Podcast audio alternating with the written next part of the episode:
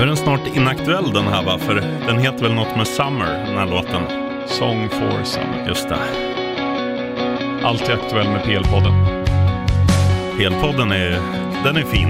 Men sommaren är på väg att dö.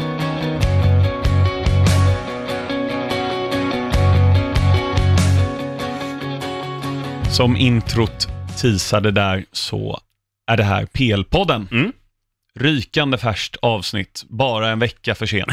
ja, Men eh, det har varit lite semester och du vet, sheriffen lägger sista golvdetaljerna. Så att, Ja. eh, ja, Axel Olsson heter jag. eh, sheriffen Larsson heter jag inte, men kallas Mm. Ja, vi har väl outat någon gång ditt riktiga namn. Sebastian Stefan Gunnar Larsson. Jävla Ja. snyggt. Alltså Gunnar, det är en man med pondus. Det är pimp. Ja, eh, det ska man inte bort. Men det ska vi inte ta nu, Nej. utan eh, vi ska prata lite om Premier League. Men Mhm. vi ska börja med att prata om något som inte är formellt Premier League, Mm. men Premier League-lag. Låt höra. Mm. Det var ju Supercupen i onsdags, Chelsea mot Liverpool. Det har jag missat helt. Skämtar du med mig? Det är ju Chelsea. Nej. Supercupen är ju det som spelas mellan vinnaren av Champions League mot vinnaren av Europa League. Ja. Och I det här fallet blev det ju då Liverpool mot Chelsea. Matchen slutade 2-2, eller 1-1 efter ni- 90 minuter. Eh, och så gjorde Mané 2-1. Mm. Sen så gör Jorginho på straff 2-2. Det blir straffar. Alla sätter alla straffar förutom när Tammy Abraham kliver upp och ska ta tionde straffen och slår den mitt i mål. Adrian då räddar med benet. Liverpool vinner, vad kan man säga, Europas Community Shield hörde jag någon som Ja. kallar det. Det är väl precis vad det är. Om man förlorar den, ja, det är inte hela världen. Vinner man den, ja, men det är en titel. Och Community Shield kallas ju ofta den, eh, vad säger man, en träningsmatch som kan ge dig en titel. Ja, Eh, precis. så, Ungefär så. Och det ja. här är väl då Europas eh, eh, motsvarighet. Så att det kanske inte var så konstigt att jag, att jag missade den här. Den hypas ju inte upp likt en Champions League-final. Liksom, att man Nej, vet man, det. kan ju inte riktigt jämföra det med det. Men jag tänkte vi ska prata lite grann om den här ändå. Dels för att det är Chelsea och ja, som ni som har lyssnat ett tag, jag är ju die hard Chelsea-fan. Mm. Eh, och Chelsea åkte ju på en stor förlust i helgen då med 4-0 mot Man United. Lite orättvist ändå. Om man bara, Absolut. tittar man bara på siffrorna så är det ju en kross. Men hade T- Tammy Abraham eh, inte bara missat en straff i den här träningsmatchen, eh, utan också skjutit stolpe in efter tre minuter, Mm. så hade det varit en annan match. Sen Ja. har ju de, det är Emerson va, som har den i ribban. Eh, Exakt, det finns ett annat läge där om Tammy Abraham återigen hade liksom varit lite mer anfallare, Agüero typ, hade också blivit mål. Så att Un- United, det är klart, de är värda segern så, men 4-0 i eh, alltså, överkant. mm. Och eh, jag tycker De var clean, men de var ju extremt kliniska, ska man ge- United. Ja. Chelsea hade, var ju mycket bättre lag första halvlek. Mm, Eh, sen är ju Kuchoma klantig vid flera tillfällen, bland annat ge bort straffen mm. eh, och så vidare. Men vi, vi, vi, vi kommer till, till det. Vi ska Ja. prata lite Supercup. Eh, det som var den stora skillnaden då, det var att världens bästa spelare var tillbaka. N'Golo Kanté. Ja, Herregud vad bra han är. han är bra. Och det jag tyckte var intressant är att under Conte-tiden och även i den säsongen i Leicester så var ju Kanté känd som den defensiva navet. Liksom. Eh, In, han skyddar backlinjen, världens bästa defensiva mittfältare egentligen. Det jag såg framförallt under den här matchen, för han har inte spelat så mycket på försäsongen, är hur mycket Sarri har utvecklat honom. Är att han faktiskt driver bollen framåt och liksom, han kommer inte slå den här Christian Eriksen-passen. Nej, Ehm, eller Tom Kearney. eller Paul Pogba hade en fin. Mm, vi ska prata lite om Ja, Pogba ja, ja. sen. Men eh, ja, jag förstår vad du menar. Tom Kearney har ju den bästa passningsfoten i världen, så är det ju bara. Så är det, i Skottland i alla fall. Eh, men Kanté har verkligen utvecklat det spelet och var en dominant hela den här matchen. Och sett över 120 minuter då, som man får säga, så tycker jag att Chelsea var, var det bättre laget. Eh, Chelsea hade tre bollar, eh, två bollar i nät utöver de två som de gjorde. Marginell offside, korrekt offside. Eh, Mason Mount gjorde ett och eh, Christian Pulisic. Hur Och såg det ut eh, i andra ringhörnan där, Liverpool? Vad Mm. mönstrar de för typ av lag? Och, och, starkt lag? Ja, alltså Firmino var bänkad i första. Då startade de med Mané centralt och Salah och Oxlade Chamberlain på varsin kant. Oxlade Okej. Chamberlain tror jag inte rörde bollen innan Nej. han blev utbytt i halvlek mot Firmino. Och det, det gör lite orättvisa mot honom för att han ska inte spela på en kant. Nej.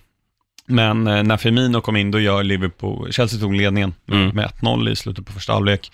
Två minuter efter att Firmino har kommit in så assisterar han Mané. Så att ehm, det gjorde jätteskillnad, Ja. verkligen. Sen hade de ju van Dijk, eh, Matip, de spelade Gomes till höger och Robertson till vänster och sen Adrian i mål. Sen hade de Fabinho, Henderson och Milner eh, på, på centralt mittfält. Ja, Så i princip ordinarie, det var väl att Firmino inte startade och Alexander Arnold inte spelade till Mm. höger. Det var väl, åh, ah, Alisson då som Ja. skadade sig i helgen. Och det kommer till också det. Ja, eh, det jag hade skrivit ner här, ser avsaknaden av någon, om någon av fronttrion i Liverpool skulle bli skadad. Det är en ruggig akilleshäl. Alltså, Origi är ju bättre än Ox, Lead Ja, Chamberlain. i alla fall i den positionen. Men det är fortfarande, han är ju inte i närheten av de andra tre. Liksom. De fungerar ju så bra. Så, Mm. så blir det en skada, en, en eh, längre hamstring eller, eller liksom, Vem skulle du säga vore det största tappet av de tre där framme? typ Firmino. Ja. Absolut, Salah och Mané gör ju målen. Men Firminos pressspel går inte att underskatta, för det är han som friar upp Mm. eh, Mané och, och Salah. Sen är det klart, liksom individuellt, Mané och Salah är fantastiska spelare. Men jag skulle säga, eh, magkänslan säger Firmino. Mm. Men, men överlag matchen, jag är jättenöjd med Chelsea. Alltså det ser jättebra ut, Mm. verkligen. Sen är det här med målen, som jag har nämnt flera gånger här. Jag vet inte vem som ska göra målen. Nej. Men eh, mm, Mason Mount kommer bli bra, kan Mm. jag säga. Ja, Han fick men det inte starta, men han, han hoppade in och satte en boll och hade ett jättefarligt skott som Adrian gör en, en räddning han ska ta, men fortfarande kvalificerad. Mm. Ehm, och som sagt, man ska inte läsa in i allt för mycket. Det jag vill dock säga om Liverpool är, både mot Norwich, men även nu, är backlinjen lika bra som förra året. Nej, Alltså, det känns inte så. Alltså van Dijk är ju världens bästa back, det är inget Mm. snack om det. Och det är väl med att säga att han var på 100 förra året. Ja. Han är nog ner på 95 de här två första matcherna jag Ja. har sett dem. Och, och Matip är inte alls eh, lika bra. Fortfarande en jätte, jättebra back och, och det bästa som Liverpool har att välja på i, i mittförsvaret, Mm. eventuellt Joe Gomez. Men mm, jag är inte helt säker på att den backlinjen kommer vara lika solid i år som de var förra året. För de var ju outstanding Mm. förra året. Jag håller med dig. Sen, sen har det väl mycket om alltså scouting att göra. Att det finns ju, man såg ju, eh, alltså att det funkar ju för Liverpool i fjol. De vann Champions League, de höll på att vinna Premier League, var starkt tvåa bakom City. Mm. Så att alla lag som möter Liverpool, de, de tittar ju, hur ska vi såra dem? Mm. Och det finns ju, alltså om man tittar på majoriteten av matcherna så släppte Liverpool in väldigt lite mål. Mm. Men du kan ju ändå se under en hel säsong, om du summerar alla mål som görs, vad de har för svagheter. Det är bäst att anfalla på högerkanten, vänsterkanten, in bakom, snett inåt bakåt. Liksom, någon svaghet har ju alla lag. Och Mm. det är ju lättare då när man vet att okej, nu har Liverpool liksom blivit ett defensivt starkt lag också. Nu ska vi hitta nycklar och luckra upp det här. Så att alla kommer ju göra sitt yttersta. Det gäller ju alltså Manchester City också, fast kanske hur stoppar vi deras anfall så att de inte får göra sina snett inåt bakåtmål. Att man tittar väldigt mycket på film, man applicerar det på sitt eget lag, man försöker såra motståndaren, man försöker göra det svårare för motståndaren. Så att det kommer ju alltså till den detaljnivån eh, och där kommer över en säsong kommer det göras, alltså Liverpool kommer säkert släppa in fler mål i år än i fjol eh, Mm, och säkert ju- göra färre. Ja, eh, så, så kan det ju nog bli. Och de har ju, alltså, man ska inte läsa in allt för mycket i den här matchen. Det är fortfarande alltså, glorifierad eh, vänskapsmatch egentligen. Men, och de har mött Norwich hemma, de möter Southampton borta. Alltså deras första riktiga test är helgen efter de möter Arsenal tror jag. Okej. Eh, det kan vara någon helg däremellan. Men i alla fall, vi, vi får se när de verkligen, i en riktig, riktig tävlingsmatch. Mm. Alltså, Supercupen är det, men ja, ni förstår vad jag menar. Mm. Ehm, så att det var väl egentligen det jag vill säga därifrån. Jag ser jättemycket fram emot Chelsea under Lampard. Mm. Verkligen. Det, det är liksom, han lärde sin läxa, han är väldigt applicerbar till motståndet. Han startade med 4-2-3-1 mot United i helgen. Eh, och nu spelar han en 4-3-3 Mm. det gjorde inte Sarri. Han är ju lite dogmatisk på, på, på det sättet. Det får man igen. Ehm, så att jag tänker, vi, vi går vidare för den och grattis till Liverpool till ännu en europeisk titel. Men ingen fanfar. Nej, nej, absolut inte. Eh, det, är, det är Liverpool vi talar om. Ehm, sen har jag skrivit ner här, vi touchade lite på det. Men är Man United så bra som 4-0 mot Chelsea? Definitivt Precis. inte. Utve- utveckla. nej men det var ju, de var ju som du sa hypereffektiva. De fick alltså psykologiska mål. Alltså Chelsea var väl värda att ta ledningen i matchen. Det blir United som gör det istället. Eh, sen har de ju de där minuterna i andra halvlek där det blir verklig ketchup-effekt. Paul Pogba var sämst på plan första halvlek. Eh, skulle göra snurrfinter, skulle slå klackar, svåra passningar, göra dribblingar där han inte behöver dribbla. Jobbade inte hem. Nej, han, han var... Han såg uppgiven ut. Mm. Och sen vi, visar han ju individuell briljans med passningen fram till The Rashford som gör det här målet, när han slår en jättefin genomskärare. Ehm, ja. Eh, Nej. Jo. Jo. Jo, Rashford. Ja, jag Han tänkte att det var något... Ja. Ja, Jättefin passning och, och då ser man ju, då får ju han lite självförtroende och, och alltså från att göra en väldigt slät figur i första halvlek så är han ju väldigt bra i andra. Mm. Och han gör ju det han ska göra. Han ska ju vara den som slår den avgörande passningen som ingen annan kan göra, som leder fram till mål. Mm. Alltså då är han ju briljant, men eh, nej, han var inte bra. United var inte 4-0 bra, men de var ändå Alltså man får tänka på att Maguire gör sin första match tillsammans med Lindelöf. Det tar ett par matcher att spela ihop sig med en ny backkollega. Han det, såg ändå, bra det såg ändå stabilt ut i Mm. backlinjen. Wan-Bissaka, när han gick bort sig, då jagade han tillbaka, gjorde någon säsongens brytning redan i omgång ett, när han kommer bakifrån och liksom fäller ut Mm. som kommissarie Gadget, fäller han ut benet och tar tillbaka den utan att dra på sig en frispark eller någonting. Det var, de har ju en backlinje som nu är bra, som Mm. är kanske till och med bäst i Premier League. Mm. Nej, Liverpool ser bättre. Absolut. Alltså, Ja, van Dijk är bättre. Ja, okej. Alexander Arnold är bättre, Robertson Ja, är bättre. i och för sig. Så att, eh, jag Okej. tycker Liverpool. De Men- är topp tre i Premier League i alla Mm, fall. Absolut. Och i för, förra året var de inte ens på övre halvan om man snackar Nej. bra backlinjer. Så att eh, ankomsten av Maguire ger dem ju en annan stabilitet. Mm. Kan han och Lindelöf få spela ihop sig så att deras mittlås också blir säkert. För att Shaw och Wan-Bissaka är jävligt bra ytterbackar. Mm. Eh, och det känns som att har du ett, liksom ett, ett bra försvar så att du kan Mourinho, det här är konstigt att säga, men Mourinho-likt vinna matcher med 1-0 utan att spela tråkigt, så är ju det en grej som kan göra att, att United faktiskt flyger i år. För Mm. att även om de inte har de här superstjärnorna, ursäkta Paul Pogba, ursäkta Rashford, men liksom Martial och de här har ju varit uppsnackade, men de har inte nått den nivån Nej. där man kan säga att de håller världsklass. Eh, det kan ju vara en styrka i sig att du, att du inte har de här divorna om man säger, utan att alla gör jobbet. Och, och Solskär vill ju spela med mycket att man pressar, pressar högt och man spelar snabbt och man springer mycket och sådär. Det kommer göra att det finns en konkurrenssituation också när du inte har de här Neymar-figurerna som är givna och kritar ner på ett papper varje match, utan de kommer kämpa på träning, det kommer ge effekt på matcher. Jag, jag tror på United i år. Mm. Det finns väl tre grejer jag vill, eh, jättebra bra summera, men det är tre grejer jag tar med mig. Ett, det ena var första halvlek så Luke Shaw och Maguire, precis som du säger, de spelade inte bra ihop. Chelsea kom förbi gång på gång på gång Mm. på högerkanten.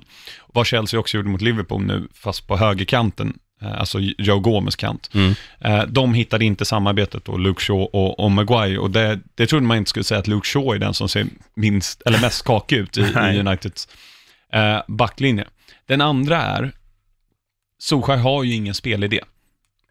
Det, det är fortfarande mycket att det är liksom googla och norsk eh, och liksom som Sir Alex gjorde det och, och de delarna och de United är för stort lag för att satsa på kontringsfotboll hem, hemma på Old Trafford. Mm. Och sen det tredje, som är absolut viktigaste, det är ju att Pogba är ju detta årets Yahya Touré. Ja. Han kan se så loj ut i 88 minuter och sen så gör han två liksom, genigrejer Mm. och avgör matchen Mm. egentligen. Även fast det blev ju 4-0, men han är med och avgör matchen och punkterar den. Mm. Det är det som, eh, mm, han är Yahya Touré. Mm. Nej, det är bra spaning. Mm. Jaja Pogba.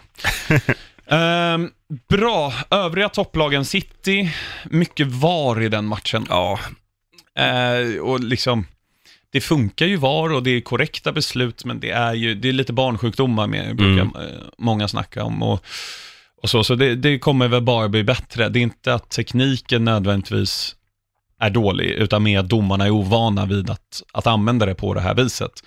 Men det var ju inget snack. 5-0, Sterling hattrick. ja Sterling är ju hur bra som helst. Alltså. Mm. Det, det är konstigt att, alltså man ser ju, även om man har sett senaste åren, den utveck, eller utväxlingen han har fått under eh, Pep Guardiola, man blir ju ändå chockad sen när man ser matchen och Sterling gör tre. På något sätt, för att Mm. han, han känns ju som en Theo Walcott för att göra en jämförelse, men den, grejen är att Walcott, han skjuter utanför och Sterling gör mål numera. Eh, Inte bara i avslutsläget, jag tycker också Sterling löper ju på ett helt annat sätt än Walcott. Ja. Walcott löper, mm, men han löper inte smart. nej, Han är ju bänkad i Everton. Liksom. Ja, och Sterling har ju blivit den här spelaren som man trodde Walcott skulle bli, för att han, han har ju speeden, han löper rätt som du säger, och han har, det han har utvecklat, förutom målskyttet Mm. under Pep, är ju att han är så jävla duktig på att hitta de här, eh, du har ett bättre läge än mig, Mm. snett inåt bakåt, eller en, en cross till Mm. Agüero som drar in den i öppen kassa och så här. De, nej, de är ju maxade City. Eh, sen, det man får säga, lite besviken på West Ham, dock väntat att City ska vinna där borta. Mm. Eh, men att det ska bli så stora siffror, nej, besviken på West Ham. De flyttade in på London Stadium för två år sedan. Mm. Eh, av de målen de har släppt in, så är 25% av de målen gjorda av Manchester City. Ja, det är helt galet. På, på London Stadium. Ja, Eh, Arsenal och Spurs tar segrar utan att spela speciellt bra. Arsenal-Newcastle, jag var mm, extremt bakfull efter att ha varit på ett bröllop och låg som en zombie i soffan. nu skryter han här. Ja, ja. skryta vet jag inte, men alltså det var eh, ett sömnpiller hela Ja. den matchen, måste jag säga. Det kändes redan när man läste Arsenals laguppställning så här att varför spelar ni ni har värvat jättefina Ja. spelare. Det är väl inte in i laget. Nej, men så. också så här, det känns som att de startar defensivt. Både Xhaka och Gwendon C går in från start. Det känns som att de liksom har sex defensiva spelare Mm. och fyra offensiva mot ett Newcastle som man egentligen bara ska rulla ut. Mm. Eh, För den kapaciteten har ju Arsenal offensivt. Sen blir det väl, det är väl matchplanen och liksom, ja, med tanke på att de har sex försvarsspelare mer eller mindre innan, att de, de går för att hålla nollan. Och har man eh, Aubameyang så vet man Mm. att ja, vi gör mål och det är han som gör det. De vinner med 1-0 i en jävligt tråkig match, men planenligt. Mm. Och sen är ju så, det är, det är ju lätt att det blir lite så här dubbelmoral. Vi har ju kritiserat Arsenal och Emery här för att han är, liksom, har så dålig bort, borta form och inte kan liksom anpassa sig till, till, till motståndet, Mm. lite som Wenger Mm. framförallt gjorde.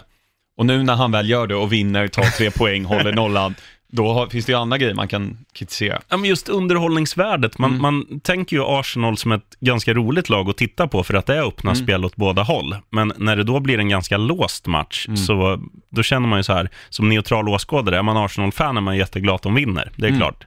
Ehm, men nej, som, som en åskådare som bara vill se rolig fotboll, Mm. när inte Fulham är inblandat, så um, nej, tråkig match. Eh, Spurs vinner 3-1 mot Aston Villa, satt rätt djupt inne, låg Mm. under med 1-0 efter 7-8 minuter från James McGinn. Ja, jävlar vilket mål det var. Ja, väldigt snyggt. Han gjorde ju ett helt sagolikt mål i Championship förra året. Mm. Han, Han, volley upp i krysset. Han är ju han är en riktig speedster Mm. och eh, alltså man, få spelare som spelar med så mycket energi som Mm. han.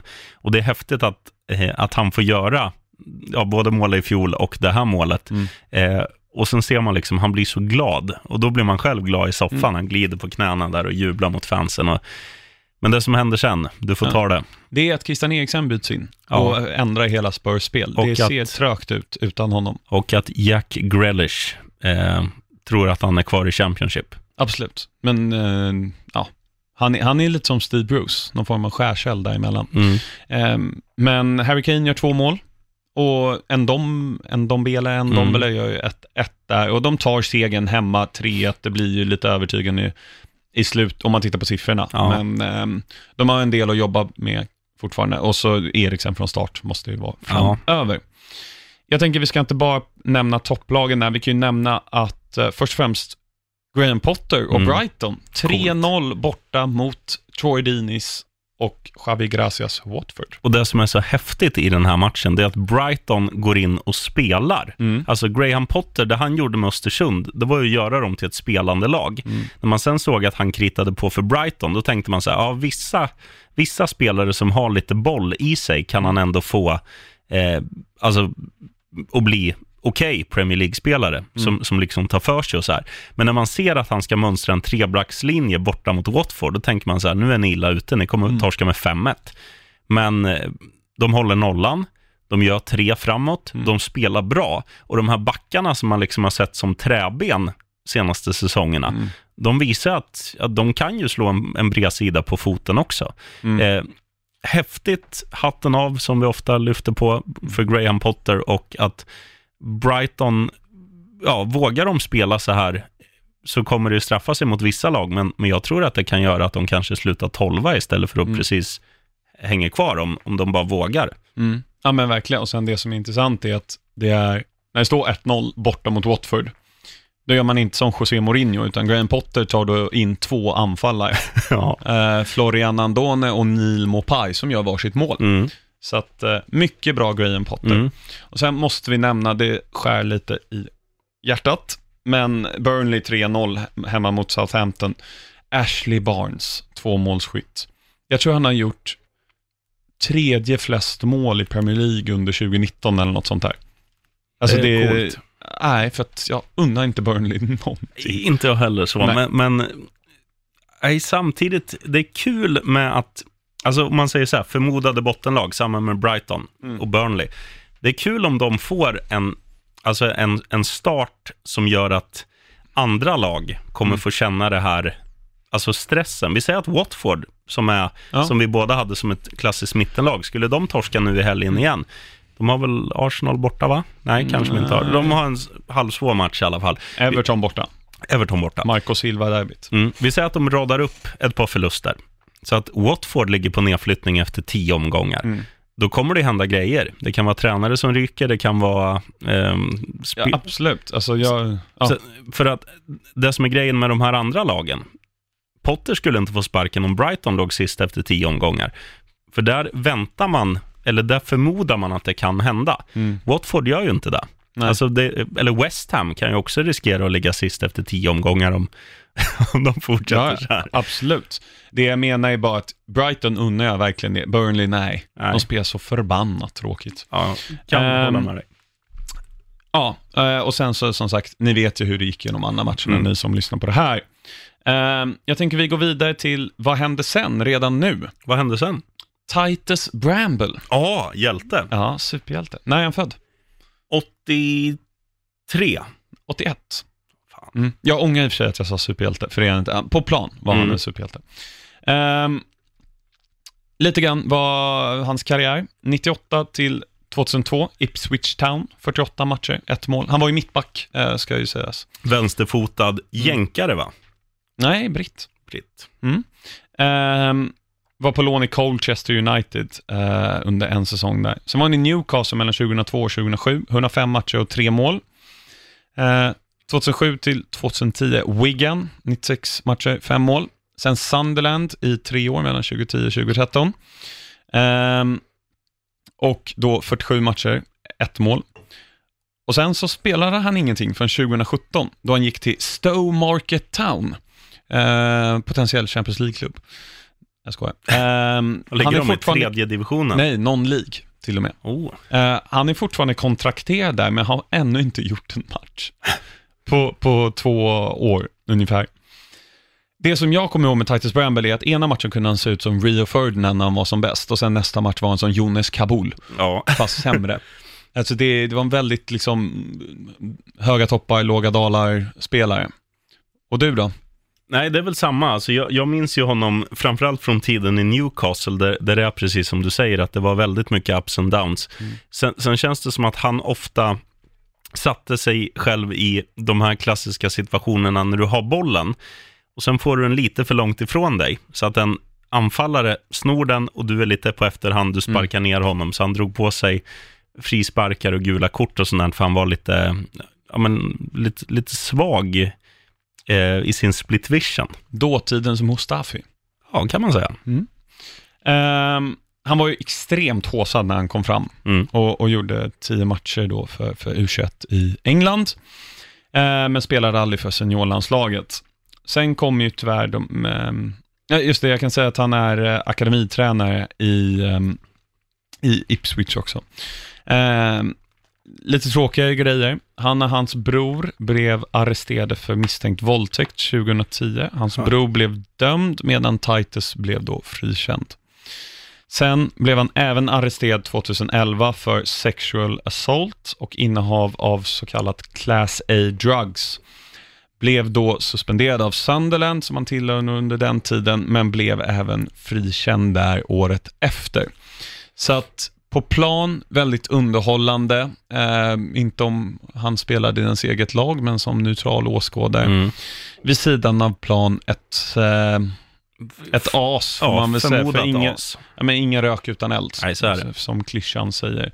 Så att absolut ingen fanfar. Jag blev bara lite nyfiken på vad gör Titus Bramble idag? Jo, Stowe Market Town. Mm. Ehm, så att jag tänker vi, vi går vidare med en eh, tre sekunders tystnad. Då var det ett av sheriffens många favoritsegment som kommer härnäst. Är Championship-kollen? Nej, du Nähä. får vänta. Jag vet att du har förberett dig. Frisyrelvan. Ja! Vi har David Seaman i mål, Abe, Abel Javier, David Luiz och Fabrizio Colocini som trebackslinje. Hårfagra herrar. Ska vi köra två wingbacks eller två mittfältare? Mittfältare. Ja, mittfältare blir det väl för att wingbacks är ett nytt fenomen. Mm, vi kör en höger mittfältare och en vänster mittfältare. Bra frisyrer under Premier League-eran. Mm. Eh, Vill du ha in Andrews Townsend?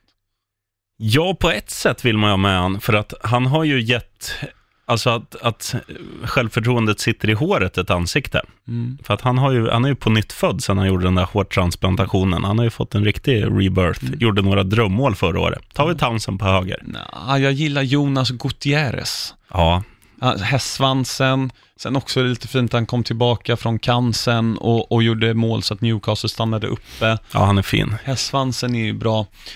Eh, David Ginola. Ja, jag tänkte också på Ginola. Ginola. Mm. Det var lite mer så här klassiskt snyggt Mm. frillan. Det var ingen så här absurd frisyr Men ändå på, på så sätt. Lite surferboy fast med rakt hår skulle man Mm. kunna säga om Ginola. Mm. Finns någon annan? Joseba Echeverria, men han, han känns ju bara som han har varit i England. Han har ju aldrig varit där. Mm. Jag vet ju vilket eh, anfallspar vi ska ha. Men det, eller det, med- ja, en anfall och en mittfält är centralt. Men, Men jag, det ska, ska, vi inte, ska vi inte nämna David Beckham ändå? För att det han gjorde Ja. var ju att han blev ju en stilikon. Fotbollen har ju liksom, visst det har funnits några sådana där, men han fick ju till och med så här tonårstjejer, eller åttaåriga tjejer att bli Manchester United-fans för att han min, var snygg. Min tjej bland annat. Åh. Det, hon, eh, hon gillade David Beckham. Och en grej med Beckham också som är häftig, det är att han passar ju alla frisyrer. Liksom rakade han snygg, långt hår är han snygg. cornrows. Blonda cornrows Nej, det kanske inte var så snyggt, men, Nej. men det är ändå en, en stilikon. Eh, och ja, man hade ju hellre gått på dejt med David Beckham än Andrews Townsend om man bara tänker eh, hårfagerhet. Mm, absolut. Ja, jag hade kunnat gå på dejt med David Beckham. Absolut. ja, men Beckham på högen. Har, vi Mm. no, har vi någon på vänstern? Ginola? Nile Ranger, Steven PNR, Ja, sån, sådana nissar. PNR gillar man ju. Alltså, han, han var ju också ögonfallande som spelare. Han, Mm. han hade ju en sydafrikan, är coolt att vara också, och spela i Everton. Eh, ja, varför inte? Ja, Steven PNR. Där har vi det. Ja, härligt. Tyckte vi nämnde ganska många ändå här, Mm. bara på uppstuds. Ja. Vi har fått lite frågor. Kul. Första frågan. Daniel Lönn. Ska United släppa Pogba? Fönstret är öppet i övriga Europa. Klarar de sig utan honom spelmässigt? Eh, Vi touchade ju lite på det. ja, jag tror ju att, att det inte är så dumt. Alltså det finns ju många som säger att landslaget är bättre utan Zlatan. Eh, det kan jag köpa till viss del, för att Mm. man kanske jobbar hårdare för varann och det blir inte att man söker, alltså får du bollen så söker du Zlatan per automatik. Mm. Eh, det är väl lite United att deras backar letar efter Pogba i första hand för att han ska föra vidare upp spelet och många gånger i- i matchen nu i premiären var ju att, att det blev pannkaka istället för att han skulle göra för svåra grejer. Sen är det ju, ja, hur hade den här matchen slutat utan Pogba som gör två briljan, briljanta, uh, briljanta assister? Mm. Det kanske hade blivit 1-1 istället, man vet ju inte. Eh, Och vem, vem tar de in istället? Är Fred då? För att de kan ju inte värva någon när eh, det engelska fönstret är stängt, om de släpper honom nu. Nej, och ett mittfält med liksom Matic, Mata- McTominay och Fred känns ju inte, man skakar ju inte liksom. Så att Nej. Pogba är också en sån, det får man ju komma ihåg också, att det är ju en som drar till sig motståndare. Deras bästa, ja, om man säger, den mittfältaren som ska göra skitjobbet, Kanté-jobbet liksom, det är ju han som tar Pogba. Och då öppnar det ytor för andra, så att Mm. det är så svårt att sia. Jag, tyck, jag tycker behåll Pogba om man inte hittar en fullgod e- ersättare. Och Men den man kan ju inte värva någon nu. Nej, och den ersättaren finns ju inte i truppen Nej. heller. Så att, I keep him. Eh, sen har Johan Rågebrandt skrivit, överraskningslag i topp 10. Är det Brighton?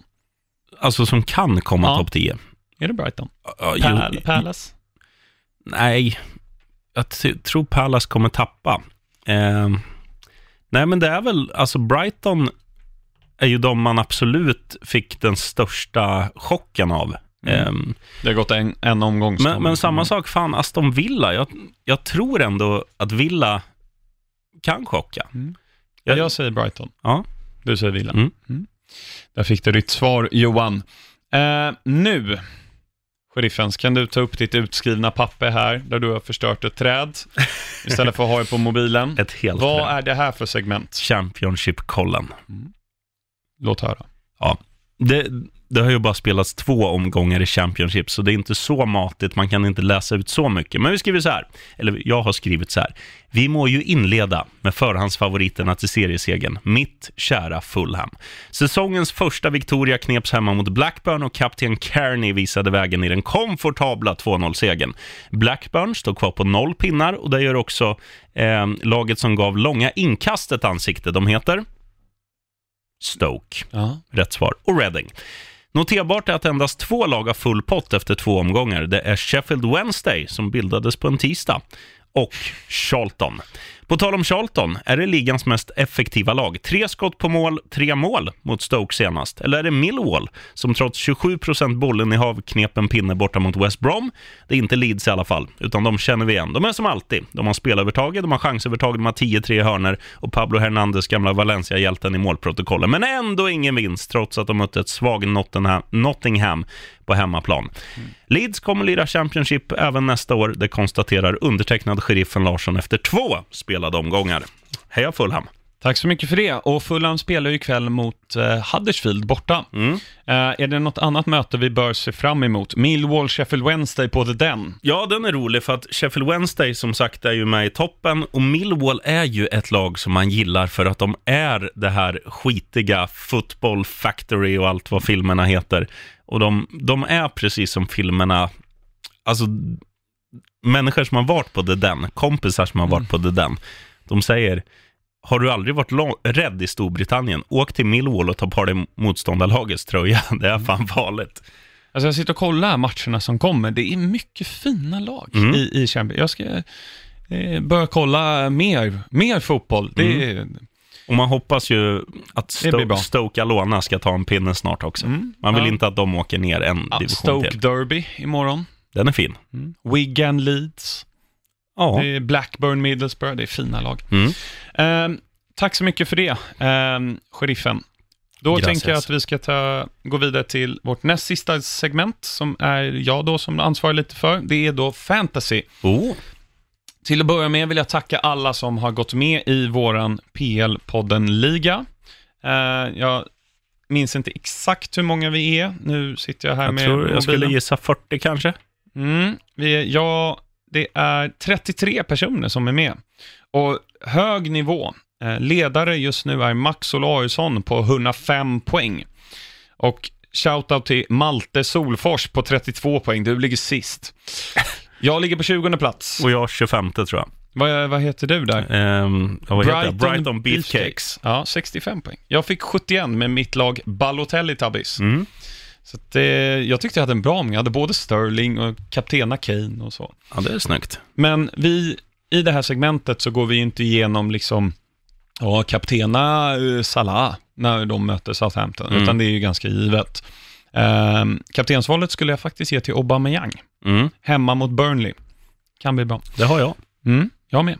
Eh, men, lite liksom mer vad ska man säga? Under radarn-spelare. Ja, hidden gems. Mm. Till att börja med, Neil Mopai i Brighton. Kostar 6 miljoner pund i, i det här spelet då. Eh, och Brighton har West Ham hemma i helgen och möter även, eh, har en hemmamatch nästa helg mot, eh, nu ska jag dubbelkolla vem det är. Det är mycket googling här samtidigt. Men de möter nästa helg Southampton hemma, så att det, det kan bli bra. Han hoppade in och gjorde mål direkt. Mm.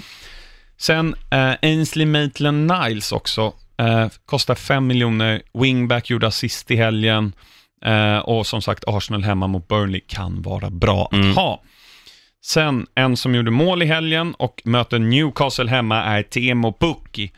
6,5 miljoner pund. Eh, Eh, Pukki. Mm, han kommer göra det bra tror jag, så Ja. att, inför helgen. Och sen mitt hetaste tips, Brighton igen. Lewis Dunk, mittback, 4,5 kostar han. Mm, Mycket bra man- val tror jag. Jag bytte in honom. Mm. Eh, och som sagt, Hur många byten matcher. kan man göra varje omgång? Man får göra ett varje omgång gratis, men jag gjorde två, eh, vilket gör att jag då hamnar på minus fyra. Så varje byte är minus fyra. Så kan, Poäng? ja, så du kan Okej. byta hur mycket du vill.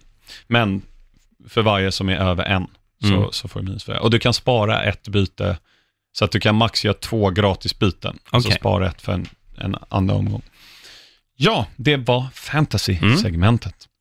Och nu, åter till dig, sheriffen. Stoppljuset.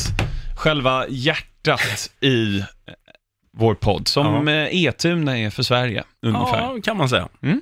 Ehm, då börjar vi med 13.30-matchen imorgon. Arsenal mot Burnley. Ja, dyng etta. Alltså, nu tror jag Arsenal kommer gå mer offensivt och kommer man få den här ut, Mm. utväxlingen som man tror att de har i, ja, framförallt de offensiva leden. De kommer säkert släppa in en kasse men vinner komfortabelt 4-1 eller något grönt. Mm. De startar väl med både Auba, Laka och Pepe. Ja, man hoppas ju det. Och jag vill ju, kul jag vill ju se Ceballos också. Mm. Han, han fick ju komma in senast, men han är ju, alltså han har varit jättebra när man sett han i så här spanska u och sådär. Han var inte jättebra när han hoppade in. nej, det var han inte. Men, men det finns ju potential i den karln. Eh, Aston Villa mot Bournemouth klockan 16.00. Lurigt, jag säger Mm. utgångskryss, gult, två lag som, eh, Det är, Ja, svår, man är Bournemouth favorit eller? Alltså det är svårt att säga. ja, nej, ja jag, jag skulle ju säga att krysset är väl favorit, för att Bournemouth imponerade ju inte när de tappade hemma till 1-1 mot Sheffield United. Eh, Aston Villa gjorde det ganska bra mot Tottenham, men det var ju så här, de, de, Tottenham hade ju spelet Villa kontrade, det blir väl lite annorlunda matchbild, de vill väl, Villa vill väl bjuda på lite finspel på hemmaplan, blir kryss. Ja, Villa är 2,37 eh, och Bournemouth 3,12 så fan. Villa får väl bli favoriter. Mm. Brighton, West Ham. Ja, Brighton, De är favorit. det tåget har man ju hoppat på nu, Brighton vinner grönt. Mm.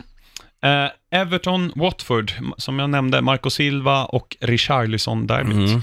Känns som att Everton är lite som AIK i fotbollsallsvenskan, inleder alltid med en väldigt massa kryss. Det blir kryss här också, gult. 1,75 på Everton och eh, 4,8 på Watford. Kryss då? Mm. 3,30. Fyra. Fyra. Det är taget. Norwich, Newcastle. Norwich 2,26. Newcastle 3,45. 3,37 på krysset. Ja, man blev, ju, man blev ju mer imponerad av Watford, även om de torskade stort. Nor- Norwich menar du? Ja, förlåt. Mm. Men eh, Norwich, eh, deras, alltså det kändes som att de spelade med ett mod man inte ser många nykomlingar på bortaplan mot liksom Champions League-mästaren göra. Eh, nu möter de ett mycket sämre lag, hemmaplan, ja, ja grönt. Mm. Eller vad tror du? Mm, jag tror Norwich vinner. Eh, Newcastle såg väldigt tafatt ut. Mm. Eh, det var någon som eh, sa här, jag lyssnade på, jag tror det var Guardian som, som sa det, efter Newcastles match mot Arsenal så bytte de in han Sant Maximin. Mm. Ehm, och då sa de att det var som att Newcastle hade två lag på plan. Det var tio spelare för Newcastle och sen Maximin. Han sprang ju bara runt överallt. Ehm, Southampton-Liverpool som sänds på tv, eller stream, eller hur nu man väljer att kolla. Ja, det, det går ju inte att säga annat än att Liverpool ska vinna en sån här match om man ska vara med och slåss mot City om bucklan. Mm. Eh, must win, även om det, säsongen är lång. Nej, grönt. Ja, 7,1 på Southampton. Ehm, jag har ändå, jag tror jag la in, jag la stryktipset i, i går här. Gardera Jag la med ändå in krysset. en kryss tvåa. Mm. Mm. Vågat. Hassenhüttel kan ju chocka och Liverpool spelar 120 minuter i, san- i onsdags. Ja. Och tillbaka från Istanbul, du vet med planet och så vidare. Stormatchen i helgen, 18.30 på lördag. Manchester City mot Tottenham Hotspurs. ja, om man, Nej, Spur är det. om man får säga så här bara. City imponerade, det gjorde inte Tottenham. Båda vann komfortabelt. Eh, Tottenham är bra i stormatcherna. ja, det är klart de är det. smart. Och sen, sen får man ju hoppas för deras skull att de, att de liksom spelar de som ska vara på plan. Mm. Eriksen måste in från start. Det blir, alltså, Lamela gjorde det bra när han tog bollen där av eh, våran polare. Eh, gav den till Kane som gjorde 2-1 och sådär. Men eh, Eriksen från start ehm, så kan det ju bli en pinne. Men nej, City är för bra. Det är en maskin och de gör, de gör så mycket mål. Jag tyckte inte Tottenhams backlinje såg så stabil ut nu mot... Fertongen spelade ju inte ens. Nej, han satt på läktaren bredvid Dele Alli och någon tjomme till. Ryan Sessegnon. Just det, Just min, det. min gamle vän. Mm. Nej, det vinner City, men det blir kanske tight. 2-1. Ja. Supermatchen 15.00 på söndag. Sheffield United mot Crystal Palace. Oj. Milivojevic 1-0 på straff, eller? Ja, inte, inte omöjligt. Nej. Nej, vi säger väl tvåa. Den är, Mm. Jag vet inte om den är grön eller röd. Eh, det är grönt. Alltså, Grönt. Absolut. Eh, intressant match. 17.30 på söndag. Chelsea mot Leicester. Ja, två lag som eh, man tror ändå på på något sätt i år. Alltså Che- Chelsea tror man ju ska få att de ska få det att funka, även med värvningsförbud och tapp av Hazard och sådär. Och, och mm, tittar man på Leicester så har ju de gjort, alltså värvat spännande och kul och det känns ju som ett lag som är precis bakom topp 6. Eh, Chelsea hemma gjorde det, nu såg jag inte matchen, men det jag hör från dig att du blir imponerad av hur de fixa, gjorde det mot Liverpool, det borde väl ändå ge dem råg i ryggen så att de vinner hemma på Stamford Bridge. Grönt. Ja. Eh, måndagsmatch, alltid fint med Mm. lite extra fotboll. Wolves Man United, också intressant match. Jag tror Wolves. Ja, de var ju jävligt bra mot bra lag förra året. Framförallt hemma på Molyneux, där de fortfarande har eldar när de går in. Det tycker jag är häftigt. Ja. Jag Ja. tycker de borde ha Orups låt Jag blir hellre jagad av vargar. Ja, eller Sonata Arctica, Wolves Die Young. Mm. Eh, Känner inte till. Nej, det blir väl, måste du säga rött någon gång. Det blir rött. Mm. Bra. Då vet ni hur Premier League slutar den här omgången. Mm. Har du något tips? Annars kan jag börja. Medan Eh, du... Jag tänker, för jag Ja. aldrig kommer ihåg att förbereda något Nej. tips. Ja, Det här är något som jag inte har sett för att det släpptes om jag, igår eller idag tror jag. Det till och med släpps. Det är då Amazon Prime, den som gjorde en dokumentär om Manchester City, har nu släppt en dokumentär om Leeds United från förra säsongen. oj, oj, oj. Den är jag taggad på. Vart finns den att se? Amazon Prime, alltså deras streamingtjänst. Jaha. Eh, de har ganska bra grejer, Amazon. Det låter som jag gör reklam för dem, men eh, första sex månader kostar bara tre pund. Det är vasst. Och då får du tillgång till allt. Sen kostar det om det är sju eller åtta pund eh, efter det. Ändå värt. Ja, eh, så att det är absolut ehm, något eh, jag tror kan bli riktigt bra med Bielsa Mm. och, och Ponta Jansson och gamla Chelsea-talangen Patrick Bamford och gänget. Mm. Så att, eh, har du något tips? Ehm, nej, Nej. vi ska, vi ska ta runda av här för ja. Sananana ska in och ta ett samtal. Ja. Nej, men mitt tips är väl eh, bara så man har koll på det, att om man har Strive så har ju de blivit uppköpta nu Mm. eh, av Seymour så att man, man ska kolla sin mail. Jag har ju Mm. inte kollat min jobbmail på tio år, jag jobbar kvar ändå. Det kanske är för att jag inte har läst att jag har fått sparken. Nej. Men kolla din mail så att du har koll på, för det finns fin, fina erbjudanden om man vill se, om man inte bara gillar Premier League utan annan fotboll med. Mm. Ehm, check your mail, ladies And gentlemen. and hängselmän. Ja, tack så mycket för att ni har lyssnat. Vi är tillbaka nästa vecka igen och eh, heja Chelsea. Vilka är det jag håller på nu igen? West Ham. Just det, heja West Ham.